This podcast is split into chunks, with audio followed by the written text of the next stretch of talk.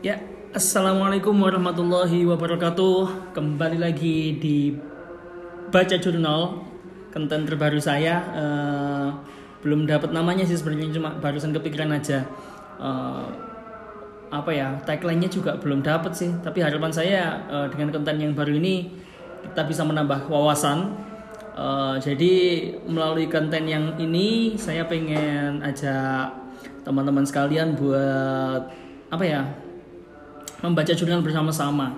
Ya sebagaimana kita tahu uh, kalau kita baca majalah ya, kemudian baca uh, koran, um, komik ya, familiar dan sangat menyenangkan sekali. Tapi kalau misalkan baca jurnal itu kan hmm, pikir-pikir beberapa kali kan ya, uh, kayak apa sih yang ditulis di jurnal tuh kayak orang males males banget baca udah dari awal udah kelihatan waduh baca jurnal tapi melalui konten ini saya ingin ajak teman-teman buat uh, mengupas jurnal-jurnal atau artikel-artikel dalam jurnal yang terbaru, kemudian juga tentunya yang uh, bisa dipertanggungjawabkan. Ya, jadi nanti kita akan pilih gitu ya dalam konten ini kita akan pilih satu artikel aja. Seperti ah mungkin tagline-nya cukup ini ya uh, cocok kalau misalkan kita pakai tagline uh, one day one journal one day one journal. Bolehlah meskipun nanti kita take-nya nggak harus tiap hari ya. Tapi seenggaknya melalui konten ini teman-teman bisa terbuka wawasannya bahwasanya baca jurnal itu asik kok. Apalagi kita tahu perkembangan terkini di ilmu pengetahuan kita. Bahwasanya memang kita harus tahu ya kalau ilmu pengetahuan itu selalu berubah uh, dinamis up to date sehingga kita harus betul-betul tahu nih kita sekarang sudah berada di mana. Jangan sampai ketinggalan tahu-tahu ah udah era uh, abad 21 nih. Kayak kayak saya kan orang-orang abad 20 abad 20 dan uh, generasi kami itu mengalami perkembangan sangat pesat. Uh, kita kita tahu rasanya munculnya teknologi baru seperti dengan handphone. Bahkan jauh sebelum itu ada pager nggak begitu lama ada handphone. Handphone pun yang pakai touch zamannya Nokia berjaya. Kemudian uh, merasakan juga perpindahan switching dari handphone touch yang uh, ABC, DEF ya Nokia dan kawan-kawan Sony Ericsson mulai dari yang uh, apa tuh? Monoponik, poliponik kemudian merasakan juga berpindah ke keyboard keypad ini ya keypad QWERTY zaman BBM kemudian kita juga merasakan shifting dari HP-HP uh, uh, QWERTY menuju ke layar sentuh sampai yang sekarang ini. Jadi generasi kami ini termasuk generasi saya generasi 92 ya. Kelahiran 92 apa orang bilang generasi Y? Karena sekarang generasi Z ya. Itu kita kita merasakan shifting yang begitu cepat ya dalam fase kehidupan kita. Sehingga kalau teman-teman generasi Z terutama nih uh, kurang memahami sekarang ini kita sedang berada di mana ya ini paling tepat kita harus baca jurnal-jurnal yang terkini jadi jurnal di tahun-tahun uh, sebelumnya tahun-tahun 90-an tuh harus kita tinggalkan karena ilmu pengetahuannya sekarang sudah berada di era ini dan kita sangat dimudahkan dengan adanya era globalisasi sehingga kita bisa mengakses jurnal-jurnal terbaru yang tadinya kalau jurnal itu hanya dalam bentuk cetak. Nah, sekarang eh, teman-teman yang terutama yang punya minat di bidang ilmu pengetahuan, teknologi, apa pun itu, di bidang kesehatan, di bidang uh, seperti yang tadi contohnya itu di bidang elektronik dan lain sebagainya kita semua uh, bisa sangat mudah untuk mengakses informasi terbaru yang uh, ditemukan oleh para para penemu yang ada di seluruh dunia ini. Sehingga kita bisa serap ilmunya mungkin juga kita bisa adopsi sehingga bisa berguna di Indonesia. Baik uh, sebelumnya saya pengen ini ya uh, kita sebut apa ya? Kita sebut penikmat penikmat konten ini kita sebut apa ya? Karena baca jurnal itu kan identik sama orang kutu buku gitu ya. Kita uh, sebut aja nerds people. Ya nerds people. Oke okay, baik. Oke okay, nerds people. Nah asik juga disebutnya. Kita saat ini mau kupas jurnal apa sih? Seperti background saya seorang uh, lulusan ilmu biomedik background saya farmasis maka sekarang kita coba cari jurnal yang relevan. Oops, sorry dari tadi saya nggak mampang ya ternyata ya. Oke, baik, nggak masalah ya. Berita dari tadi sudah kelihatan kalau kita nanti akan baca jurnal ini. Ya. Sebuah jurnal yang membahas tentang uh, emerging dari penyakit influenza yang sekarang lagi rame. Uh, sempat kita membahas tentang uh, apa ya? COVID, COVID-19 sekarang kayaknya sudah mulai turun. COVID-19 sudah mulai turun angkanya alhamdulillah dengan adanya vaksinasi kemudian juga social distancing serta pengurangan mobilitas maka eh, sekarang kita berada mungkin ya di ujung pandemi namun ternyata ada konsekuensi harus kita hadapi setelah ini dan ini sudah mulai muncul dengan maraknya kasus um, flu Singapura ya ada yang pernah baca atau pernah dengar mungkin ya sekarang jadi jadi bahasan khusus di mereka yang concern di bidang uh, epidemiologi juga concern di bidang mikrobiologi khususnya pervirusan duniawi.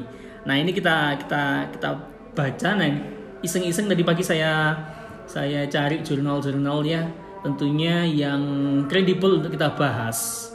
Jurnal ini judulnya adalah Human Seasonal Influenza under COVID-19 and the potential consequences of influenza lineage elimination.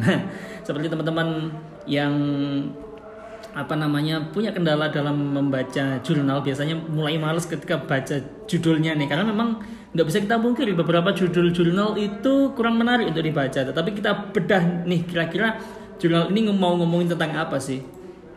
Oke balik lagi. Nah, jurnal ini pada dasarnya adalah jurnal yang ingin membahas atau membedah tentang uh, konsekuensi timbulnya atau outbreak kembali kasus-kasus influenza akibat dari post COVID-19. Ya, jadi jadi uh, kita tahu ya COVID-19 ini kan sudah ada sejak akhir tahun 2019 hingga saat ini tahun 2022 yang mulai menurun. Nah, ternyata dengan adanya fokus kita, fokus fokus fokus para ilmuwan untuk mengatasi COVID-19 ini uh, membuat disadari atau tidak um, studi atau studi tentang influenza itu sedikit dikesampingkan dalam tanda kutip. Nah, si penulis ini adalah saya mention ya Wijaya Krishna, Dana Sekaran dan kawan-kawan. Ini di tahun 2022, ini publish 31 Maret 2022 ya teman-teman. Nah ini uh, membuat suatu penelitian untuk mengetahui uh, kondisi influenza saat ini pasca COVID-19. Nah sebelum itu saya mau disclaimer Jurnal ini saya peroleh dari uh, artikel ini saya peroleh dari Nature Communications, sebuah jurnal dengan ya ini dia. Menurut Simago Journal Rank, dia masuk ke H index 410 410 dengan nih ya Q1 sejak 2011 hingga 2021 konsisten. Sehingga kita bisa apa ya kita bisa disclaimer bahwasanya ini jurnal yang berkualitas. Nggak mungkin suatu artikel yang abal-abal gitu ya masuk ke jurnal Q1 ini bikinan uh, jurnalnya dari uh, eh, UK ya dari dari United Kingdom. Oke baik. Nah langsung saja kita menuju ke artikelnya. Yep. ini dia artikelnya. Open access. Tentunya saya pilih artikel-artikel yang open access ini. Ya nggak mungkin dong saya punya duit banyak buat submit banyak jurnal yang ingin saya baca. Sehingga ya ya kita cari yang open access saja ya. Baik. Oke okay. secara garis besar di abstrak ini si Vijaya Krishna tampaknya dari nama-namanya kayak nama-nama hmm, ras India gitu ya, mungkin ya. Oke, tapi kita lihat aja dulu sih. Dia dapat dari mana. School of Public Health LKS Faculty of Medicine, the University of Hong Kong Chinese.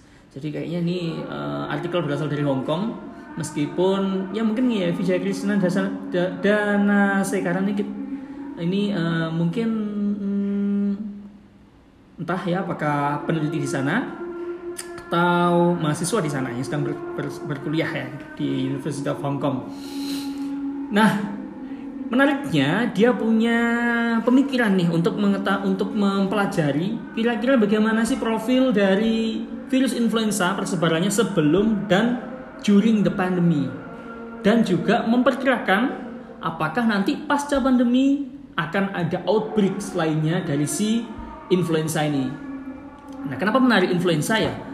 Teman-teman mungkin masih ingat um, apa sih uh, virus H5N1 flu burung ya kemudian H1N1 yang paling baru yakni virus flu babi yang ada sebelum eh, yang sempat outbreak sebelum pandemi COVID-19. Nah, memang pada se, uh, seperti yang saya baca sih sebenarnya para ilmuwan tuh sebenarnya uh, sudah punya fokus ya untuk mengembangkan strategi-strategi dalam mengatasi uh, outbreak influenza. Cuman akibat ternyata yang emerge di tahun 2019 hingga 2021 kemarin itu di luar perkiraan. Itu bukan virus influenza, melainkan virus corona, ya coronavirus. Nah, sehingga sedikit membuat shock ya orang uh, ilmuwan sedunia sehingga harus pontang-panting kita di awal tahun 2020 untuk menemukan vaksin terhadap COVID-19. Nah, si Wijaya Krishna ini ingin um, membawa kita untuk melihat kembali ke belakang gimana sih uh, virus influenza pada saat itu serta berjaga-jaga nantinya ini akan seperti apa si virus influenza ini. Ya menurut dia nih uh, ada 1 2 3 4 berdasarkan hasil penelitian dia 4 strain virus influenza yang akan uh, re-emerge di tahun 2022 atau pasca uh, eh, COVID-19. Yang pertama ada uh, virus influenza A H3N2, kemudian yang kedua ada virus influenza A H1N1, virus flu babi ya. Kemudian influenza B atau Victoria viruses dan juga uh, Yamagata influenza B juga. Nah, hmm, nggak usah susah-susah kita baca. Tadi saya sudah baca sih sebenarnya. Saya pengen cerita aja supaya teman-teman tertarik ya untuk membaca. Jadi menurut uh, si penulis ini, ya pertama dia lakukan suatu ini kita lihat gambar aja deh. Kan banyak yang suka lihat gambar ya. Dia lakukan suatu studi menggunakan data yang ada di GZ. Nah, GZ ini kan Global Initiative for Sharing All Influenza Data yang ada di GZ mulai dari 2018 hingga 2021 mulai dari Desember 2018 hingga Agustus 2021 ternyata eh, selama periode tersebut terjadi ya sesuai dengan yang diprediksi ya selama COVID-19 pandemi eh, ternyata sesuai yang diproduksi eh, sesuai yang diprediksi terjadi penurunan apa ini namanya penurunan line age influenza yang tadinya ada banyak sekali hmm, apa namanya ada banyak sekali strain yang muncul dan menyebabkan kasus. Jadi ini adalah data ini ya data strain yang muncul yang menginfeksi uh, orang mulai dari 2018 hingga 2021 ternyata di median 2020 hingga 2021 terjadi pengerucutan Artinya apa? Menurut si author ini salah satu impact dari social distancing ya, pembatasan wilayah. Kemudian orang waktu itu kan kita gak boleh keluar ke luar negeri ya, sehingga uh, persebaran strain virus influenza pada saat itu mengalami penurunan sehingga bahkan di tahun 2021 ini uh, mengerucut hanya beberapa strain yang berhasil diidentifikasi. Ya, oke. Okay. Tahun 2020 hingga 2021. Nah, dari situ kemudian si penulis ini melakukan uh, suatu riset berdasarkan database yang ada di GISRS dan juga GSAID. GISRS ini apa ya singkatannya ya? Uh, coba tak cariin dulu. GISRS. Hmm.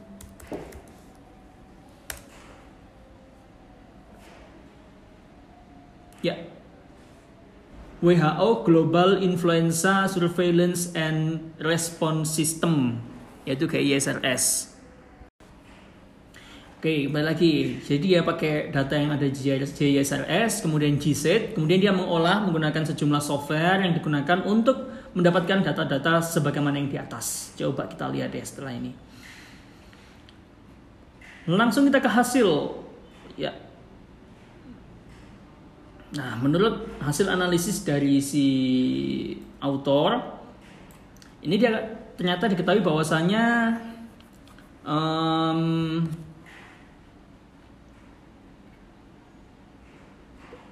Nah, testing terhadap virus influenza ternyata selama uh, selama periode pandemi itu mengalami penurunan sebab pada saat itu uh, semua orang berfokus pada testing terhadap SARS-CoV-2 sehingga data-data yang di yang dibutuhkan untuk mengetahui strain apa yang sedang outbreak tentang influenza pada saat itu menjadi sangat kurang uh, sehingga ya mau nggak mau juga akhirnya mempengaruhi data atau menurunkan data influenza virus detection dan uh, ini hasilnya.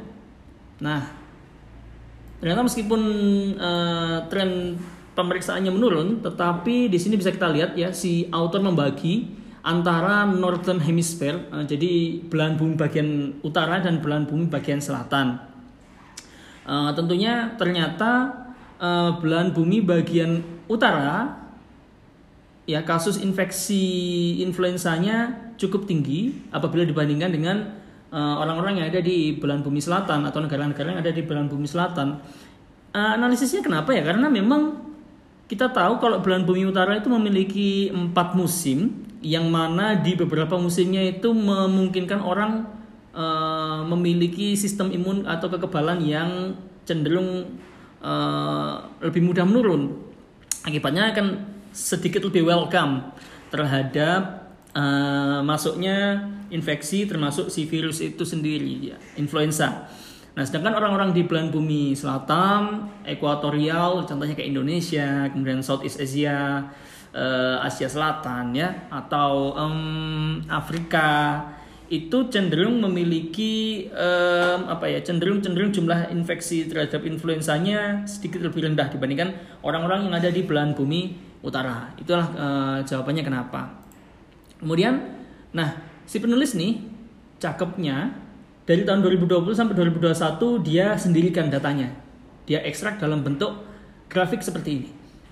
Mulai dari Mei 2020 hingga Juli 2021 ternyata ada uh, suatu tren ya, suatu tren yang yang terjadi. Kalau di belahan bumi utara, ternyata yang paling tinggi ini tampaknya uh, subset virus ini ya, uh, influenza B, mulai dari B Yamagata, B Victoria dan uh, BB lainnya yang tidak tersubtipekan. Nah, sedangkan kalau di belahan bumi selatan, ternyata uh, lebih banyak didominasi sama virus influenza tipe A. Influenza virus eh, influenza E virus IAV mulai dari H1N1, H3N2 dan juga subtipe yang lain. Nah, kayaknya nih yang subtipe A dan B yang tidak di oleh si penulis tidak di tidak disubtipekan ini akibat dari kurangnya data yang melebihi atau tadi dia bilang kurang lebih kurang dari 300 uh, eh, apa namanya data nukleotida.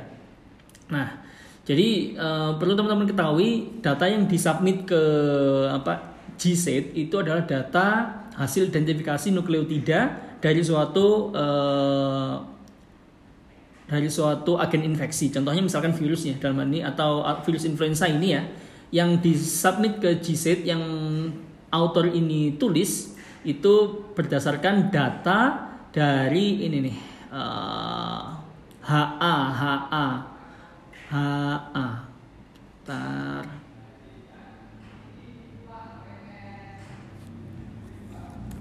AA. Ya, ini. Oke. India, maximum likelihood phylogenetic analysis of seasonal influenza virus hemaglutinin. Jadi yang ditaruh di GSID itu adalah data nukleotida atau urutan nukleotida dari uh, gen hemaglutinin si virus influenza. Nah, pertanyaannya kenapa sih kok data hemaglutininnya yang di yang dicari atau atau uh, yang membedakan si virus ini termasuk ke dalam subtipe apa? Sebab setelah diketahui ternyata setelah dipelajari bahwasanya si virus influenza ini memiliki uh, apa ya suatu reseptor begitu yang ada di permukaannya. Salah satunya adalah hemoglutinin. Dan reseptor hemoglutinin itu ternyata uh, mempunyai andil dalam perlekatannya terhadap host uh, sel. Ya, jadi memper, mempengaruhi patogenesis ya patogenesis si virus influenza tersebut. Jadi uh, ilmuwan mengelompokkan si influenza virus ini berdasarkan uh, gen penyandi uh, apa namanya protein hemaglutinin tadi. Oke, kembali lagi ke teks. Ya. Nah, di situ ternyata lebih jauh lagi uh, si penulis tahu bahwasanya kalau perjalanan subtipe ini dari tahun 2010 hingga 2020 dia bikin dalam suatu gambar grafik yang sangat menarik nih. Coba lihat. Kita lihat dari virus uh, influenza tipe A dulu ya ternyata di antara sekian uh, tipe, nah yang diketahui mampu masih survive untuk menginfeksi, masih aktif dalam menginfeksi di tahun 2020 ke atas adalah hanya beberapa tipe, khususnya kalau di ini yang yang gini, oh, H3N2 ini subtipe A1B garis miring 94N dan juga subtipe warna oranye ini A1B garis miring 186D. Nah, pentingnya apa sih kita kita kita cari tahu hal kayak gini ya tentunya untuk me, me, apa ya menentukan strategi kita nantinya apakah nanti akan bikin vaksin terhadap subtipe, subtipe yang apa sehingga akan mencegah terjadinya uh, infeksi terhadap virus tersebut. Nah, kalau H1N1 ini yang subtipe 6B1A ya dan tipe B ini subtipe V1A3 garis miring 150K. Yang menarik nih, ternyata subtipe B Yamagata ini diketahui habis di tahun 2020. Nah, satu hal yang perlu, perlu kita kita syukuri mungkin ya di tahun 2020 ke atas belum sampai sejauh ini belum ditemukan um, apa namanya kasus infeksi serupa oleh uh, influenza virus tipe B garis miring Yamagata. Kalau ada yang mau tanya kenapa namanya Yamagata ya kita kita belum tahu ya kita belum cari. Mungkin nanti um, teman-teman yang ada yang atau yang nonton ini uh, kebetulan tahu bisa menulis di kolom komentar. Yuk selanjutnya ini lebih lebih jauh lagi ya uh, dia ingin tahu dari periode kapan ya uh, apa namanya si strain virus ini akan uh, atau mulai muncul serta sampai saat kapan si, virus, si strain virus ini masing-masing masih terdeteksi. Nah, kita lihat lagi yang Magata nih. Habis kan di tahun 2020. Ini dia. Oke, sekarang nah ini yang lebih cakep nih. Kita bisa lihat ternyata juga um, apa namanya? persebaran antara atau persebaran subtipe antara pre-COVID mulai dari Januari 2020 hingga Maret 2020 dan juga pasca COVID yang si penulis ini klasifikasikan di April 2020 hingga Juli 2021. Nah, ini kita coba tengok deh. Saya pengen baris bawahi sebenarnya yang lebih banyak di virus H3N2 ini ya, virus influenza A H3N2 yang sekarang katanya lagi lagi hype begitu ya diomongin virus uh, virus Singapura ya ternyata adalah subtipe ini H3N2. Kita lihat nih sebelum COVID profilnya gimana, tersebar rata. Ya sudah ada sejak sebelum COVID. Uh, khususnya yang paling banyak nih kita lihat subtipe ini ya A1B 137F yang warnanya hijau muda ada di tersebar terutama nih di bagian Asia Timur dan sebagian Asia Tenggara. Nah, kalau kita gedein lagi nih kayaknya di daerah uh, Kamboja, uh, Vietnam, Malaysia, Singapura. Indonesia bersih nih. Ya Indonesia bersih nih, nggak tahu ya. Apakah memang nggak ada ataukah memang nggak dites? Who knows? Nah, perbandingannya setelah COVID, setelah era COVID ya 20 eh, dari April 2020 hingga Juli 2021 ternyata jumlah kasusnya meningkat. Ini mungkin ya yang katanya orang peningkatan kasus influenza Singapura dia bilang. Kenapa Singapura? Ya mungkin karena lebih banyak di daerah Asia Tenggara dan Asia Timur nih. India Bangladesh hmm, mana nih? Uh, Malaysia Vietnam Kamboja. Dan mungkin ada sebagian Singapura yang lumayan gede. Ada juga lumayan banyak di daerah Afrika Timur. Uh, sebagian di Australia Timur Leste lagi-lagi Indonesia bersih. Gak tahu ya kenapa. Apakah memang orang Indonesia kebal kebal terhadap virus jenis ini atau memang nggak ada nggak ada penelitian sampai ke situ sih. Tahu-tahu aja kemarin yang COVID-19 uh, eh, apa namanya uh, ketika negara-negara lain berlomba-lomba untuk mensubmit apa ya uh, data di G8 ya nggak tahu negara kita kenapa kok entah lelet atau memang tidak disubmit who Oke, selanjutnya ya. Ini yang varian lain ya. H1N1 banyak banget. Uh, di Asia jarang ada. Banyak terdapat. Ya di awal di awal awal uh, sebelum pandemi di, di, di, daerah Afrika banyak ya. Di negara apa nih? Sebelah sini. Pantai Gading ya kayaknya di pantai Gading dan sekitarnya. Nah ternyata re-image outbreak gede banget setelah pandemi. Ya seperti analisis dari si penulis kayaknya memang sebelum pandemi ya ada testing, testing, tracing. Ketika pandemi uh, testing berkurang, kemudian pasca pandemi ketika uh, apa ya uh, orang sudah bebas bebas keluar masuk suatu negara, bebas uh, berpergian, ya bisa jadi ada peningkatan secara signifikan persebaran dari uh, virus influenza. Uh, itu pun juga dipengaruhi oleh faktor iklim ya sebagaimana kita tahu influenza biasanya akan banyak kasusnya ketika memasuki musim-musim tertentu. Kalau di belahan bumi utara banyak di musim winter ya. Musim uh, musim dingin ya, musim dingin banyak orang flu. Sedangkan di belahan bumi selatan atau ekuatorial kayak di Indonesia kebanyakan orang flu saat masuki musim penghujan. Nah, itu dia mungkin yang termasuk uh, faktor-faktor uh, menyebabkan uh, si virus ini terdeteksi muncul kembali. Ah, itu dia ya, yang yang Yamagata bersih nih. Bahkan si autor menyebutkan bahwasanya si Yamagata ini cenderung habis atau apa ya? Ini coba saya lihatkan di daerah discussion. Tadi dia bilang bahwasanya si Yamagata ini um, apa ya persebarannya menjadi hilang dari peredaran akibat uh, ya banyak sekali uh, hal yang kita atau misteri yang masih kita belum tahu kenapa uh, dia tiba-tiba bisa hilang gitu. Ya meskipun demikian uh, Yamagata hilang tetapi ternyata yang Victoria juga cukup cukup naik ya. Ini dia. Notably countries in North ah, kita gedein dulu ya notably countries in North America and Europe with strong influenza surveillance have only sporadically reported that influenza viruses in circulations including several that have caused outbreak in African, African Asia and B Yamagata lineage virus appear to have become extinct around mid uh, around the middle of 20 and 20. Luar biasa ya.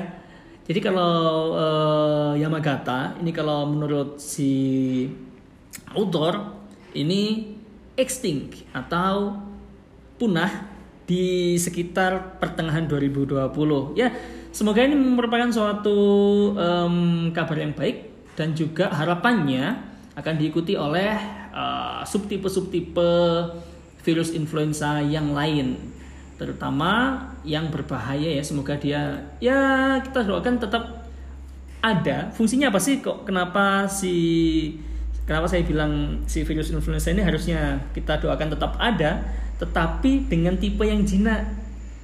Fungsinya apa? Butuhnya apa? Kita kita kita butuh si virus influenza ini tetap ada. Sebab uh, itu sangat berguna bagi uh, trigger uh, sistem kekebalan tubuh kita untuk mengenali uh, virus-virus khususnya yang dengan karakteristik yang sama dengan yang menyerang tubuh kita. Ya oke okay lah kalau misalkan kena tubuh kita kita cuma bersin sebatas bersin pilek atau mungkin sampai demam dikit-dikit lah tapi jangan sampai kita uh, antibody tidak mengenai mengenali sama sekali sehingga ketika suatu saat terkena uh, tubuh kita tidak bisa merespon dengan baik atau tubuh kita merespon dengan respon yang berlebihan. Nah itu jangan sampai seperti itu. Jadi ya oke okay lah kalau misalkan masih ada tapi dikit-dikit aja dan semoga uh, jinak. Oke, okay, nah ini yang seru nih. Saya suka sama gambar 6. Ini bisa memberikan kita pencerahan dan juga um, apa sih? Memberikan kita warning bahwasanya ya menurut ahli virologi ternyata virus-virus itu sebenarnya bersirkulasi. Maksudnya bersirkulasi itu apa ya? Uh, maksudnya dulu pernah menyebabkan outbreaks, pernah berbahaya bagi kita, kemudian hilang. Setelah hilang, suatu saat dia akan image lagi dengan uh, karakteristik yang hampir mirip. Contohnya kita tengok nih H1N1 flu babi. Sebenarnya tahun 1920 sudah ada ini hingga 1950 pada saat itu. Kemudian hilang di pertengahan 1960 hingga 1980 ada lagi. Dia ada lagi kemudian um, di tahun 2000 2010 ya uh, digantikan dengan H1N1 tahun 2009. Nah, ini yang sempat sempat viral ya uh, apa namanya ditemukan virus flu babi flu babi tapi orang nggak tahu ya tahu-tahu babi banyak yang dibunuh uh, karena takutnya dia menyebarkan uh, virus ini Termasuk juga uh, hal ini bisa kita jadikan pelajaran bahwasanya uh, kita apabila bisa memahami periode atau karakteristik uh, suatu si suatu virus itu bisa kembali re-emerge itu tentunya kita bisa men, me, bersiap ya menyediakan segala macam uh, sistem pertahanan kita.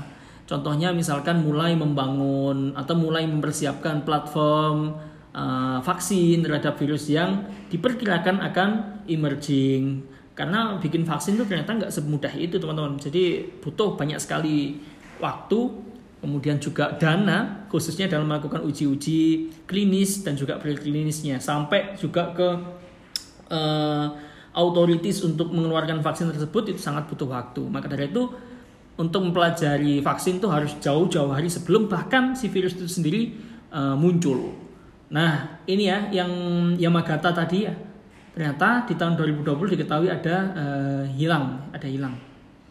Nah, dots indicate emergence of pandemic strains that replace previously circulating influenza virus. Tadinya ada influenza B dilaporkan oleh Lee di tahun 1980 ternyata ada dua B Victoria dan B Yamagata. Yang kita kita tahu dari hasil si author ini bahwasanya Yamagata di akhir tahun eh, di pertengahan tahun 2020, 2020 dilaporkan uh, punah. Ya, ini si author pengen spekulasi bahwasanya uh, vaksina, uh, vaksinasi COVID-19, kemudian kebijakan untuk mengendalikan pandemi uh, kemudian ya akan juga menurunkan kasus atau apa namanya uh, reemergence of uh, the global existing influenza line H ya. Jadi mau nggak mau ternyata ada hikmahnya juga kita kemarin pandemi uh, yang apa namanya kemudian ada kebijakan vaksinasi kemudian kebijakan uh, apa namanya mengurangi mobilitas, masuk keluarnya suatu negara itu juga akan membuat si virus itu terkungkung dan lama kelamaan tidak bisa menyebar dan lama kelamaan akan hilang seperti halnya virus influenza B Yamagata. Nah, yang menjadi tantangan kita menurut si author saat ini adalah di mana kebijakan itu sudah mulai longgar, kemudian ada indikasi e, munculnya virus-virus influenza ini kembali sehingga eh, bagaimana pemerintah tentunya akan menanggapi isu-isu ini. Kalau misalkan di Singapura sudah terdeteksi ada peningkatan kembali, maka hendaknya Indonesia bersiap-siap dalam tanda kutip dengan cara eh, apa namanya membatasi mungkin ya eh, akses penduduk dari Singapura ke Indonesia ataupun sebaliknya. Nah, demikian eh, apa ya sesi baca jurnal One Day One Journal dengan saya Ali Firman Firdausi. Semoga terhibur. Wassalamualaikum warahmatullahi wabarakatuh.